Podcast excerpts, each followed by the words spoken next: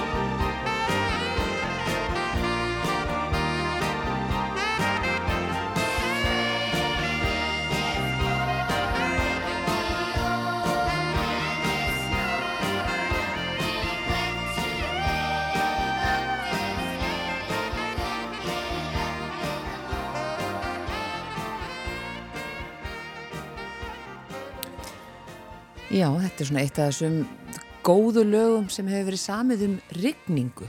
Já, það er bara líka, það er alveg hægt að setja á sig svona jákvæðu gleru um gagvært mm. rigningu. Að, Hún er bara góð. Já, já, ég þarf samt að hafa fyrir því að því að það er yfirleitt bara ávísun á það að trubli mig að fara í golf. Já, já, já. ég held að það sé ekkit betra en nefnir rigning í logni og góðu hlýju veðri. Já, en hvenar er logn á Íslandi? Er, í dag? Ekki, já, í dag, já. Ekki nógu og kannski oft. En ég er alveg sammála. Rigning í logni er, það er alltaf bestaðlega með hana, sko. Já. En eh, hingað er komin förstudagsgestur mannlega þáttarins í þetta sinn, Elisabeth Kristín Jökulsdóttir. Velkomin já. Já, takk, takk kærlega fyrir. Skáld, skáld og rítöfundur. Já, ná, og, og dansari og Gjörningarlistakona, nei ég segi svona það komi bara, sem ég byrjaði í listaháskólanum hérna þá fóru að koma fram svona fleiri fletir á mínu stórkostlega hæfileikum. Fóru að semja dansa og í listaháskólanum og gjörninga fóru að gera gjörninga. Hafður ekkert dansað fram að því? Nei, nei, alveg passa mig á því ekki nema bara svona völlum og, og, og þess áttar Já Hva, ef við förum bara aðeins aftur í tíman að því þú, raunni, þú færði alveg bara 2008 eða ekki eitthvað svo leiðis í, í listaháskólan Jú, nákvæmlega. Hva, hvar, eh, er svona, hvar eru þínar æskuslóðir?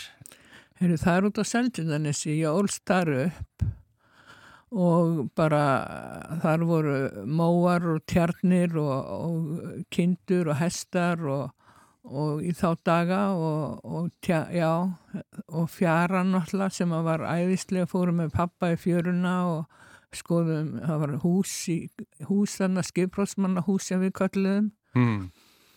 og ég var að mynda að því ég fór að rannsaka verkföðum ís á tímabili og þá komst ég að því að fyrsta personan hans og síðasta hafi verið skiprótsmaður þannig að ég held að hann hafi kannski litið á sig sem skiprótsmann að einhverju leiti að því maður er ekkit allur þar sko, maður getur, getur brotamanni verið skiprótsmaður og, og svo er maður eitthvað annar líka. Já, já. Mm. En þetta, þarna ólst ég upp þanga til að þau skildu pappa mamma, þá var ég tíu ára og þá fluttu við Vesturbæinn í Töfrahúsið á Drafnastík 3. Töfrahúsið? Já, það var svona leinihólfi kjallaranum og stór gardur og tveir skúrar og uh, annar fullur af veiðafærum og og hérna mamma breytti setna í stofu og við hafðum þarna leikhús og leinifélag og, og ég veit ekki hvaða félag og svo tókum við köngulæra á haustinn og settum í elspitustokka og settum inn hjá fólki. Þannig að við vorum ekki alveg beinlinis Í, í óþökk þeirra? Já, að sjálfsögðu. Svo dingluðum við náttúrulega bjöllinni og hlupum í burtu þannig að við vorum algjör kvikindi greinilega sömuleiti en annars vorum við bara óláta belgir þannig Vesturbænum og Beindi Sóega saði að við eh, þrjú sko ég ylli á hrappn, Kolbra sýsti mín hún var svo pínur lítil en ég ylli á hrappn væri svona þrjár línu langsokkur þannig að, að auðmingja mamma sko að hún fór í vinnun og skildi okkur eftir og svo vissi hún ekkert hvað var í gangi þegar hún kom heim sko. Me, með öllum þeim prakkaraskap sem fylgir línu Hva, Hver er aldusmunurinn á okkur? Ég er eldst sko, fætt 58 Já. svo kemur Ylli, fættu 60 og uh, Raffn, hann var fættu 65 Já. hann er náttúrulega dáinn og uh, dó núna bara síðasta ári mm. Þið hefur verið uppáttækja sem sískin, en voru þið náinn? Já, við vorum það, við vorum náttúrulega, þurftum að vera það, sko, við vorum svo mikið einn og, og elduði matinn, ég stekti kjöldbólur og, og hérna, og pulsur og lærði það, sko, að mömmu að elda fyrir strákana og, og litlu sýstu mín, Anna Kolbrá, mm -hmm. og uh, já, Í, í, hva, í hvaða skóla gegstu þá? Melaskóla og fyrst í Mýrarhúsaskóla og svo Melaskóla og, og hvernig var skólagangan?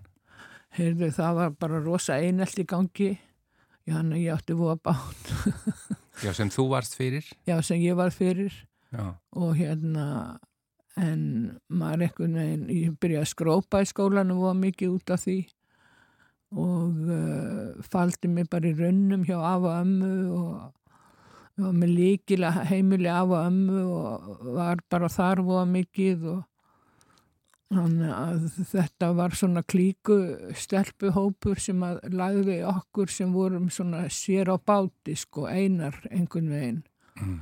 fjórar, fjórar svona einar og, vorum ekki með neina sérstakka vini í bekknu. Ég kem þarna náttúrulega eftir skilna, pappa og mamma brotin eftir skilnaðin mm -hmm. og lendi svo í einelti. Þannig að ég var lengi að ná mér eftir þetta í rauninni það var ekki fyrir en ég fór í kvennaskólan á löngu setna og ég skrifaði rítgerum eineldi og það kom alveg skýrt fram að eineldi er aldrei þeim að kenna sem að lendir í því sko heldur alltaf þeim sem að, sem að hérna eru gerendur í því eru gerendur og ég var fyrir þeirri ógæfi að vera svo gerendur þegar ég kemur í hagaskóla og ofsótti eina stelpu og þá var ég sett í annan bekk þannig að því var bjargað og uh, þannig að En þetta hétta, hétt þetta einelti eða svona hvaða orð höfðum við um þetta? Já, það er nú það, dag? sko. Ég man ekki hvaða orð við höfðum um þetta. En, það segir... var lítið talað um það að mista kosti. Já, En þú skrifar þessa rítgerð þegar þú ert komin í kvennaskólan. Já. Þegar þú í rauninni hafði verið í, þann, í, í stöðu þar að segja begja megin borðs í, í, í svona. Og gastu, og gastu, ég meina, hafður þroska í þeir að skrifa um það líka að hafa verið gerandi? Já, ég held það. Ég man ekki alveg hvernig þessi rítgerð var en ég hafði allavega þroska til að fara og byggja uh, stúlkuna afsökunar, begja sýstu mína. Já. Og, og það voru svona svolítið erfið skref að því ég vissi ekkert, mér fannst ég svo seg sem ég náttúrulega var. Og, uh, og mér fannst svo virðingavert að hún skildi bara yfirleitt vilja taka á móti mér að því það er ekkert víst, að því þetta er mjög sár reynsla og, og hérna ég var svo beðinni mitt afsökunar bara svona mjög lauslega þannig að ég, nei, ég var beðin afsökunar á þessu einelti sem ég hafði orðið fyrir löngu setna bara á Facebook fyrir nokkrum árum. Já, já. Þannig að það munaði allavega því og uh, þannig að þetta er og, og hérna hún, hún fyrirgaf mér þessi stelpa sem ég hafi verið leiðanlega við eða, eða ofsótt og gerði grína henni. Mm -hmm.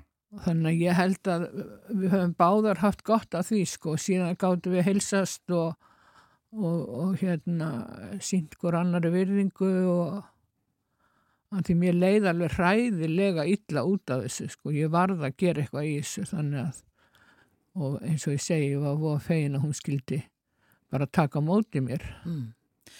Hvernig voru kvennaskóla árin? Herðu, þau voru bara fín, það var hérna, uh, sko, ég fór í mentaskólan á Ísafyrði og Jón Baldvig rag með þaðan fyrir að vera bara að sofa hjá strákum og reykja hass og mæti ekki skólan mér fannst ég alltaf svo ljót þegar ég leiti speil ég segi, get ekki mæti í skólan svona ljót. Og þannig að ég var með svona rosalega útlýtstráhyggju og svo náttúrulega þegar að koma á prófin þá var ég svo lítið búin að mæta og hann vildi í staðin fyrir að leifa mér og taka prófin og sjá hvað ég gæti að þá raka mig bara degi fyrir próf. Og allir lægi með það sko en, en hérna uh, kannski hitt hefði ekkit verið betra, ég veit ekki að fá að taka prófin, þar, þar ég fór norður á strandir og, og var þar síðan og svo fór ég aftur, svo fór ég í Neskausta til að, að fara í skó, fymtabekk og svo fór ég aftur í, á Ísafjörð í Annabekk, þá var Bryndi skólastjóri. Og síðan var ég ástfangin og, eh, og hérna bara hætti öllum skólahugleggingum og ætlaði eitthvað að fara í MR en ég var svo rosalega ástfangin að það þýtti ekki neitt. Það var ekkert pláss fyrir ekkert, það? Ekkert pláss fyrir skólan eins og ég er í eðli mínu mikil skólamanneskja og mér, ég hugsa stöðugt um að taka MA sko, master í námi og, og ég myndi þá örugla að fara í doktorin líka en, en hérna þannig að mér hefur alltaf einhvern veginn þótt gaman í skóla, mér finnst rosalega gaman til dæmis í listaháskólanum. Já. rosalega gaman í kvenn og þá voru allir yngre en ég náttúrulega því ég var orðin svolítið sein. Og svo fór ég svo uh, að því ég hætti aðna annan veturinn í, í, í, í á Ísafyrði að þá tók ég svo kvennaskólan 1987 til 88 þá er ég orðið þrítug Já En þú fóst í, í listaháskólan eh, einmitt þegar þú ert orðin hérna, aðeins eldri en hinnir og langar núni í meistaranám. Hva, hvaða meistaranám myndir þú vilja fara í þá? Ég myndi vilja fara í áframhaldarsvislistum og eða í þjóðfræði. Já. Að, ég held að þjóðfræði sé svolítið skemmtileg. Já og svona allt svona í gamla daga og hvernig ég var voðalega áhuga hvernig þessi þjóð er búin til og, og ég hef kannski alltaf afi minn svona let mig alltaf hafa áhuga á því frá því ég var bara lítil. Og svo svo hérna eftir ég tók þátt í mótmælum í Káranhjúkavirkinn þá fór ég hafa og eftir ég fór að selja bækuna mína líka sjálf og þá fór ég að selja bækur í fyrirtæki, Eimskip og Coca-Cola og þessi fyrirtæki alls sko landsvirkjun. Og þá fór ég að hafa áhuga á því hvernig þjóðfélag var búið til og ég hugsa já, allir þessi fyrirtæki, ég hafði ekkert átt að mig á því, bara þau var yfirleitt til, þannig að þetta var svolítið, eh, ég fór svona að sjá þjóðfélagið og svo í mótmælumni Káranjúkum að þá fórum að sjá það enn betur og það voru svona anstæði pólar og og uh, þá kom pólitíkin inn í þetta og þannig að ég hef alltaf haft áhuga á líka ég verði alveg algjör sökkar á svona gamla daga Já. ég bara, þú veist, langa langama mín ég hef með mynd af langama minni á, á borðinu hjá mér og og uh, þú veist, ég hefði vilja hitta hana og heyra hvernig hún varð ástfangin og hvað hún hérna hvernig hún hafði þetta allt saman. Hvernig lífi var á þeim tíma. Já. Sko fáum eitt lag já, núna. sem þú valdir. Sem já. þú valdir, við brjótum aðeins upp hérna. Helena Eilstóttir eh, með hvítu, hvítu máva.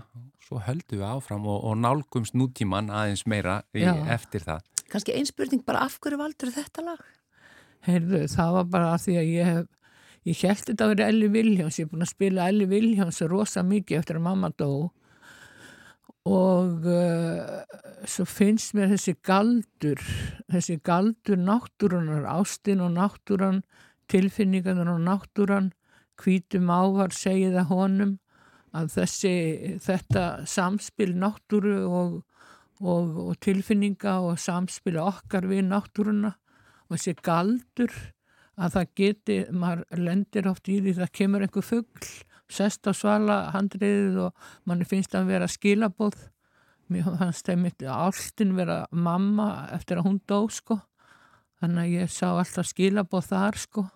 Og um daginn hitt ég konu sem saði minnst mamma alltaf vera mári örla þannig að þetta er svona þessi tenging við náttúrun á dulafullan hátt og fólk hefur þetta svona fyrir sig sko það segir mann þetta bara undir fjögur augu. Við heyrum hérna Helun Eyjáls kvítum ávar og svo höldum við áfram með Elisabeth Jökulsdóttur.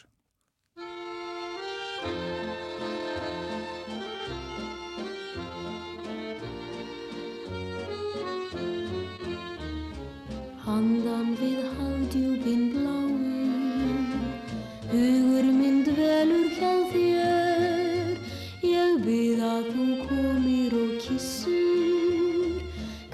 Hviðan úr hjarta mér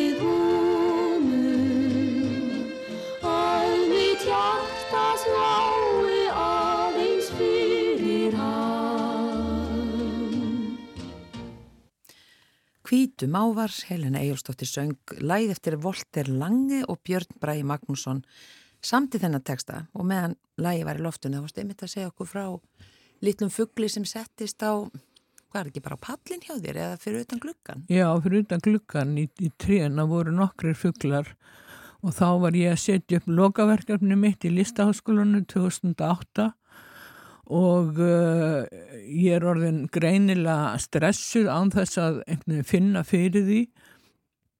Ég var að setja upp sagt, eigi leikrið og leikstýra því og uh, svo tveimþröndungum fyrir frumstýningu þá heyri ég að fugglasöngurinn ég vakna við fugglasöngin og heyri að fugglasöngurinn er skilabóð frá gemmurum og ég hugsaði bara þú veist hver fjandin nú bara mani hann að byrja og er láta kræla á sér að því ég hef, hef með geðkvörf og hef farið í risabilgjur mm. en þessi, þetta, þetta hefði geta verið byrjun á risabilgju og uh, svo er ég svona veltað þessu fyrir mig fram að háta í hvað ég er að gera, hvort ég er að fara inn í þetta. Mér hans þú var forvindilegt að vita hvaða skilabóð þetta væru. En á heimbóin vissi ég að ég myndi glatast ef ég, ef ég færi að fara inn í þetta. Þannig að ég ákvaða að ringi lækni og ringdi Óttar Guðmundsson og uh, hann saði já já ekkurat og, og það er nú þannig og það er nú það og vill ekki taka henni eina sér okkur svona bara til þess að skapa jafnvægi og, og hérna og svo kvöttumst við og og þá sagði hann að lokum en auðvitað veistu það Elisabeth mín að auðvitað er fugglasöngurinn skilabóð frá gemurum Já, því vorum að tala líka um það bara hvað við lítum ofta á fugglasöngin sem einhvers konar skilabóð Já, já. Og en, sendum þá með skilabóð okkar, okkar á milli. Já, já. Mm. Ég var að lesa uh, fæslu sem þú skrifaðar á, á Facebook, það sem þú varst að segja að þú ætlaðir að taka það mjög rólega næstu tvær vikur. Og ætlaðir ekki að gera neitt. En það fór nú ekki beinlinnist þannig því að það er svo margt í gangi hjá þér að ég veit bara ekki hvað þú til dæmis mættir til okkar hingað. En það er síning sem var verið að tilkynna eh, að verði næsta veitur í þjóðleikúsinu upp úr tveimur bókum eftir því ekki sett Já, leikrit eftir Önnu Ösp Stefansdóttur Já. sem hún gerir upp úr þessum tveim bókum. Það er stort mál Já, það er bara, mér finnst ég bara að vera komin einhvern veginn inn í þjóðleikúsið, þetta mysterisk og ég get sagt einhver það einu sinu var ég að vinna sem aðstóðleikstjóri í þjóðleikúsinu mm. og svo fekk ég að sópa gólfið eftir æfingu og ég hugsa bara hér er ég að sópa gólfið í þjóðleikúsinu, ég fannst þetta al, alveg bara eins og þetta væri heilu, heilu Notre Dame kirkja sko. Já, já. Þannig að ég veit ekki hvernig ég verða þegar þetta verður svo komið í, í frumsýningu í þjóðleikúsinu þá verð ég öruglega bara sópa gólfið þar eftir frumsýningu. En, en þá síðan samt nær okkur, þetta verður næsta veitur? Já, 27. janúar 2024. Þá verður frumsýnd? Já, þá verður frumsýnd. Saknar ilmur, eitthvað alveg sérstakt. Já. Mm. Þetta er alveg stórkostlegt að fá unni ösp til að, að hérna, skrifa, skrifa leikritið, hún er svo næm á þetta, hún bara skilur þetta betur en ég og, og hún er svo gáfuð og áköf og uh, hefur svo skemmtilega orku og er svo einhvern veginn indistlegi á með mikið innsægi og uh, eins og ég segi, ég verð bara öll upp veðruð að ég heyra í henni og og, og hún er svo, já. Þau eru búin að skipta um hlutverk núna, hún og Björn Tórs, eiginmaður, nú ætlar hann að leikstýra henni. Já, já. En sko, og svo er það síningin sem að þú kalla pöttusíningin, sem já. að er bara, núna, er ekki hver að gera, núna bara í næstu viku. Jú. Útskýrða eins fyrir okkur hvað það er. Já, heyrðu, ég nefnilega var í svona lélögu ástasambandi eins og oft áður nei, tjung ég er svona verða að vera sérfræðingur í einhverju. Og uh, þá þá hérna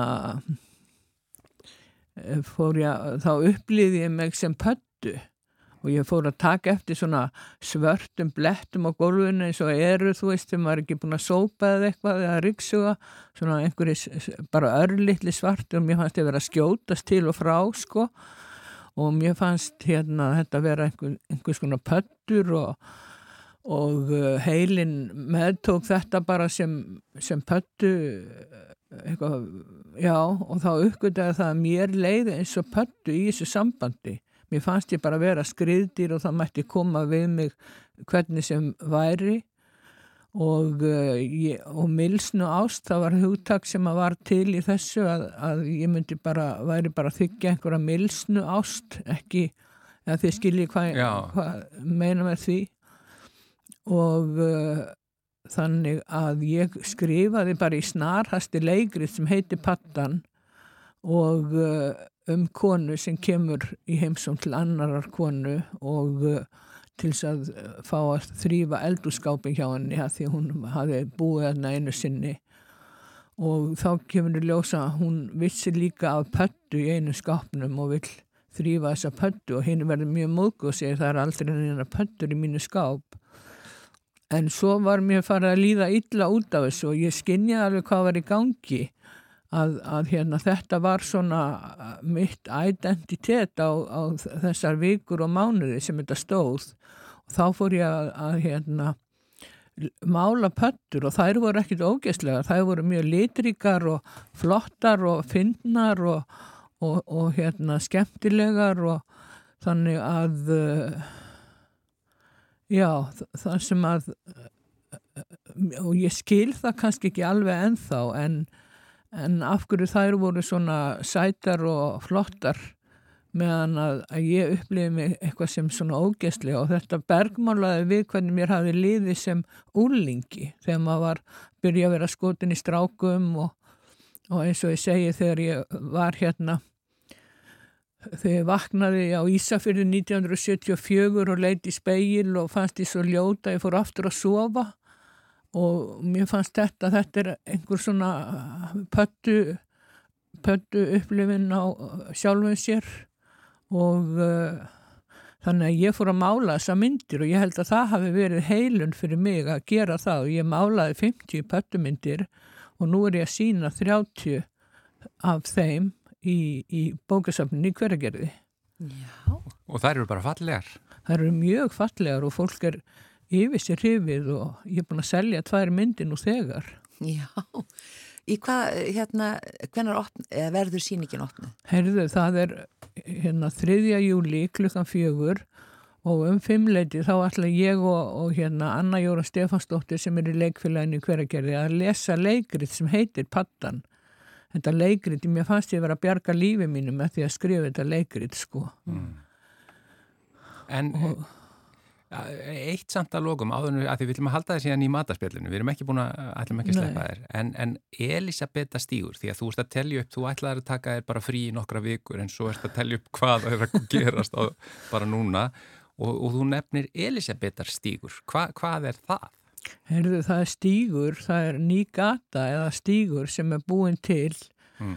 frá ringbraut að, að Solvallagötu og það er verið að byggja hérna mikið stórhísi og uh, þeir eru þarna með þetta arkitektarnir og, og, og í samráðu við náttúrulega bygginga byggingamennina mm -hmm. og byggingaforkólvana og uh, mér fannst einhvern veginn upplætt ég var að flytja þessum tíma með ægila heimþrá og mér fannst að væri strax betra að væri til þannig að Elisabetta stígur þannig á milli gamla húsins míns og þessa ferligi sem er að vera að byggja. Mér er alls ekki illa við þetta hús sko, þetta, þetta stóra hús sem verið að byggja. Já. en það stígurinn átt að heita Hoffmannstígur en eh, eins og byggingafulltrún saði við erum orðin leiðir á að sé verið að skýra götur eftir gamlum dánum köllum.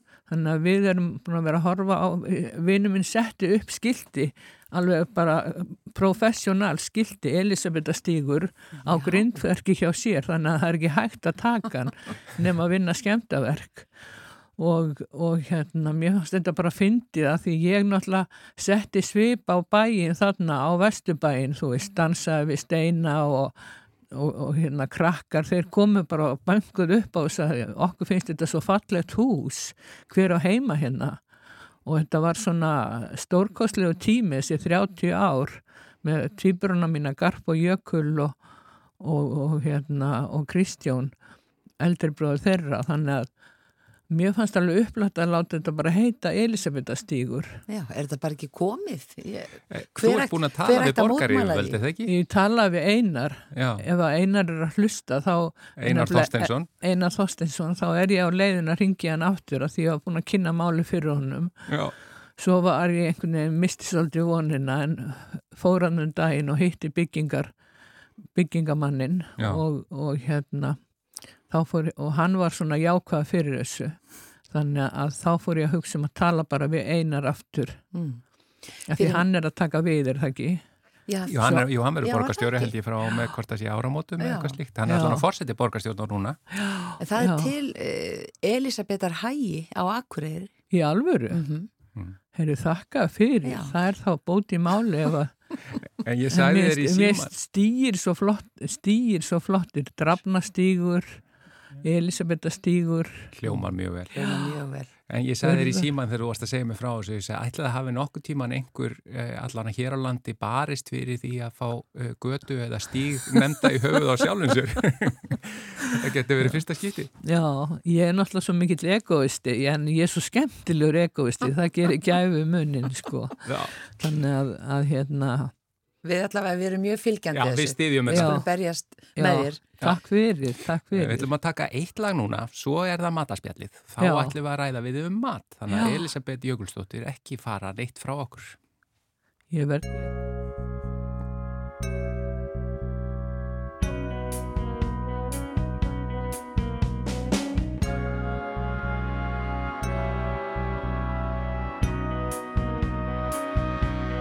You're just too to be true.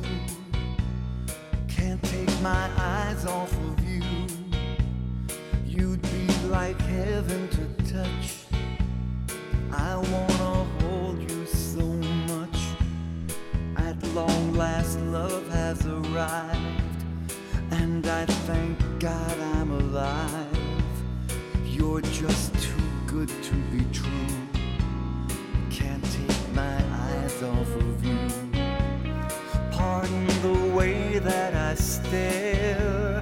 There's nothing else to compare. The sight of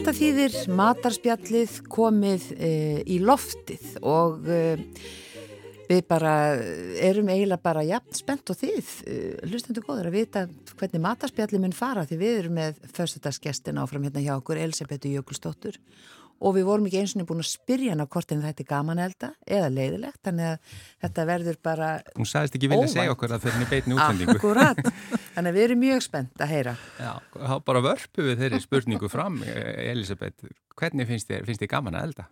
Heyrðu, þetta er svolítið, náttúrulega ég er í sérstöku sambandi við mat og uh, alltaf í útlöndum þegar ég fer á svona markaði þar sem að, að hérna, kjöti hangi niður og ávastirnir í hrúum og þú veist, þá fæ ég svona löngun til þess að elda Mm. en þegar ég gengir um fristikistur hérna stórmarkaðana þá langar mig ekkert til að elda og ég þólega ekki frósin mat, ég veit ekki hva, út af hverju, það er eitthvað bara, ég þólega ekki frósin mat.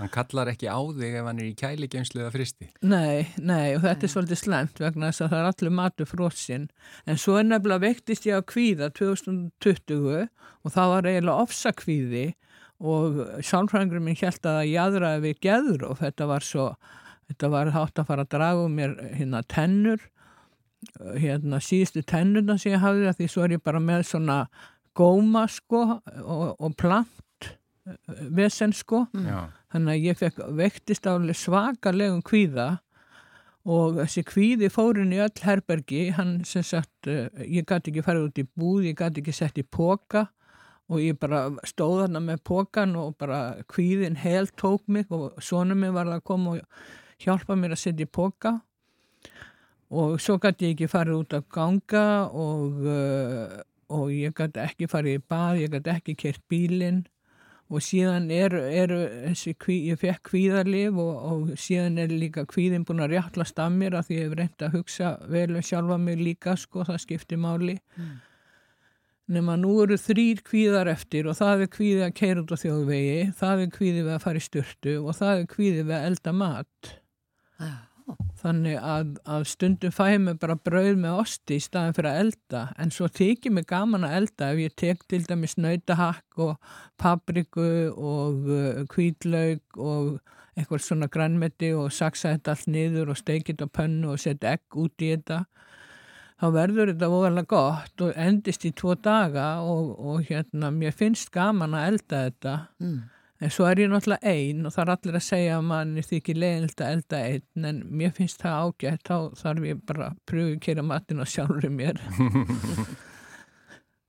Þannig að það er ekkert svona eitthvað eitt í uppáhaldi sem þið finnst eh, svona fyrir utan þetta með, með hakkið, svona eitthvað sem þið finnst Mér finnst, held ég mest gaman að elda kjötsúpu. Já, Ég er algjör snillingur í að elda kjötsúpu. Afið minn kendi mér það með miklum tilþrifum og uh, ég, eh, fyrst var kjötsúpa mín ægilega svona klassísk og ekkert, ekkert spenna, jú, jú, hún var spennandi því kjötsúpa er það alltaf. En svo fór ég að leifa mér að setja alls konar í hana, sko, brokkóli og hvítlaug og pipar og þannig að hún varð alltaf kjötsúpa þó hún væri með einhverju nýju í, sko já. Það er aðeins þín útgafa. Já. aðeins mín útgáfa Það er engin útgafa eins af kjötsúpu, hvað er svona, þú ert með gulrætur eða hvað ertu Já, með? ég er með gulrætur, róur Mm. lauk, set, ég set bara þrjá uh, stóra lauka út í sem ég er ekkert að skera niður heldur leifið en bara sjóðast Mm. í, í hérna með kjötinu það tekur yfirleitt klukkutíma sjóða lauk sko Já. Mhm.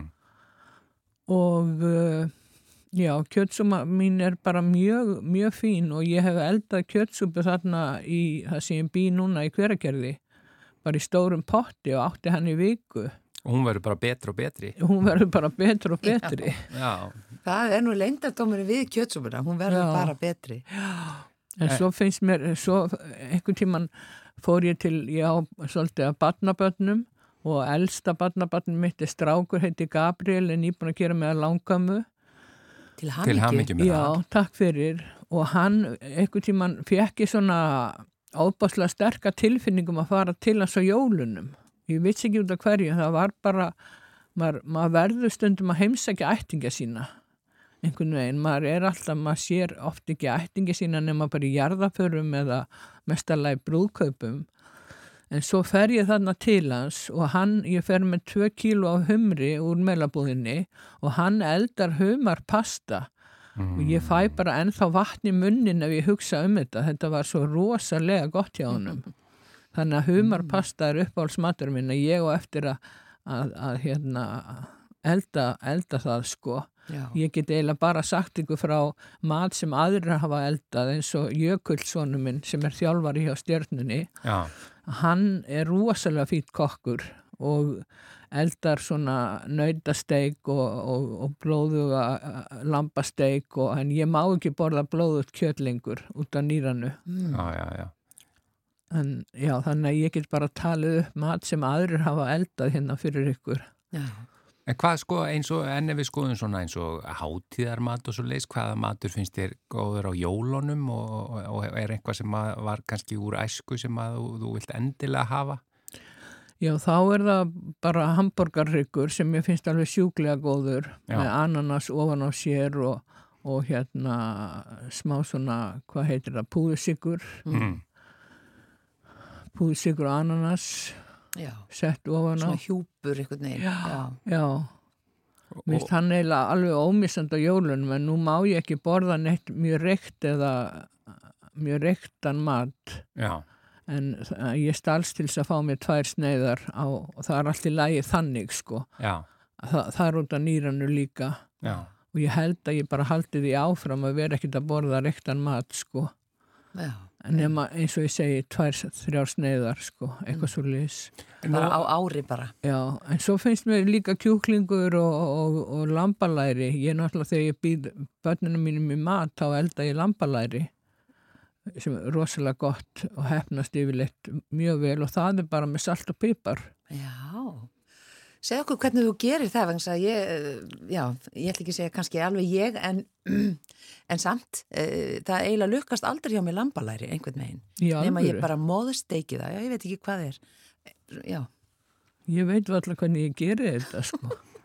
Ég stilla á held í 200 og, og þegar opnin einhvern veginn nálgast það þá stingi ég lærun inn í, ég búinn- þá er ég búin að krydda það og, og svona veltaði til og frá sko. Ég, ég ger ekkert, ég set bara salt og pipar, mm. sting svo inn í opnin hann á 200 og læt svo, læta svo matla bara í einn og halvan tíma á 200 og svo lækkaði hann er í eh, svona 100 og læta, eh, þetta eru bara tveir tímar sko, þetta er gamla lægið á þessu já, ég ætla að skrifa þetta hjá mér. Já.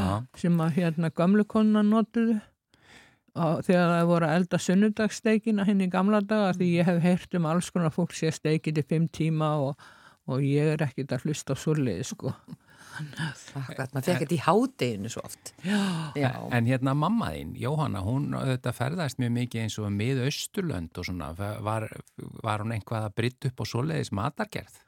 Nei, hún gati hins vegar að panta það og Já. við fórum hérna, hún pantaði það stundum og af einhverjum matsölustöðum hér Já, eða við fórum út að borða þar sem við fengum sýrlenska mat og, og svona. mm En þó hún var í góðu kokkur þá held ég hún hafi aldrei elda fyrir okkur arabískan mat. nei, Hann var mjög góður, ég fór með henni í þrjáfjóra ferðir til Austurlanda og var rosalega góður þessi matur og tónlistinn og þetta kom allt saman sko. já, einmitt.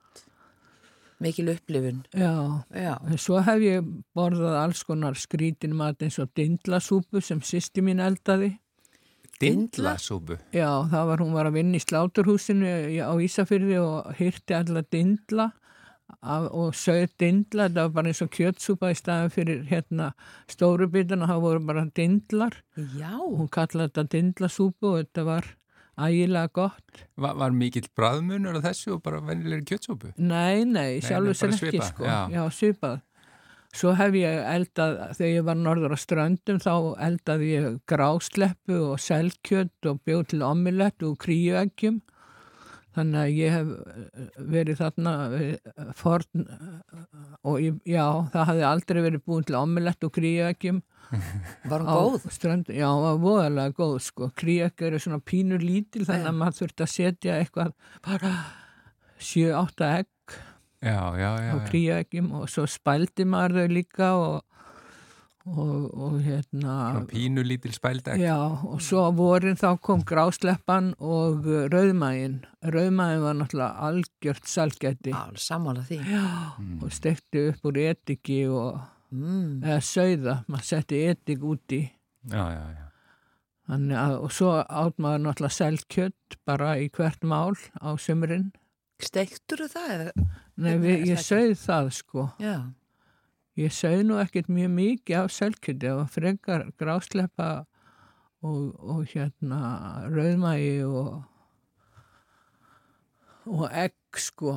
Og svo bakaði ég óbásla mikið af kökum og eldaði óbásla mikið af hafragraut og, og, og hérna ég var svona hálfgildingsráð skona þarna og þarna var ég líka svo ástfangin sko. Ég var til í að bara gleyma mér við eldamennsku sem ég kunni ekkert, ég var 16 ára sko var farin ég að elda allt þetta. Mhm. Vá. Já, uh, Ég, vi- við bara hefðum geta verið með þig hérna í tvo klukkutíma í viðbútt Elisabeth Jökulsdóttir, það er svo gaman að, að spjalla við þig já, og takk fyrir að vera föstudagsgestur hjá okkur hérna í mannlega þættunum og auðvitað vonust við eh, til þess að sjá Elisabethar Stín Já. eh, innan skams. já, Já, varanlegan. Takk fyrir að koma. Já, takk fyrir að bjóða mér, gaman að koma. Þetta er bara loka þáttur uh, mannlega þáttarins að uh, þetta sinn þarf að segja þangað til í haust Já. eða í ágúst. á mánudaginn byrja sumarmál. Já, og aftur auglýsum við eftir ferðasögum, við ætlum að hafa förstu dugum ferðasögur, þannig að endilega ef þið hafið einhverjar skemmtilegar ferðasögur að segja eða, eða getið stungið upp á einhverjum sem er skemmtilegur að segja ferðasögur, Já. uh, þá má senda það á sumarmál eða sumarmal atrúb.is. endilega senda okkur post en takk fyrir samfélginu þessa viku Verið sæl.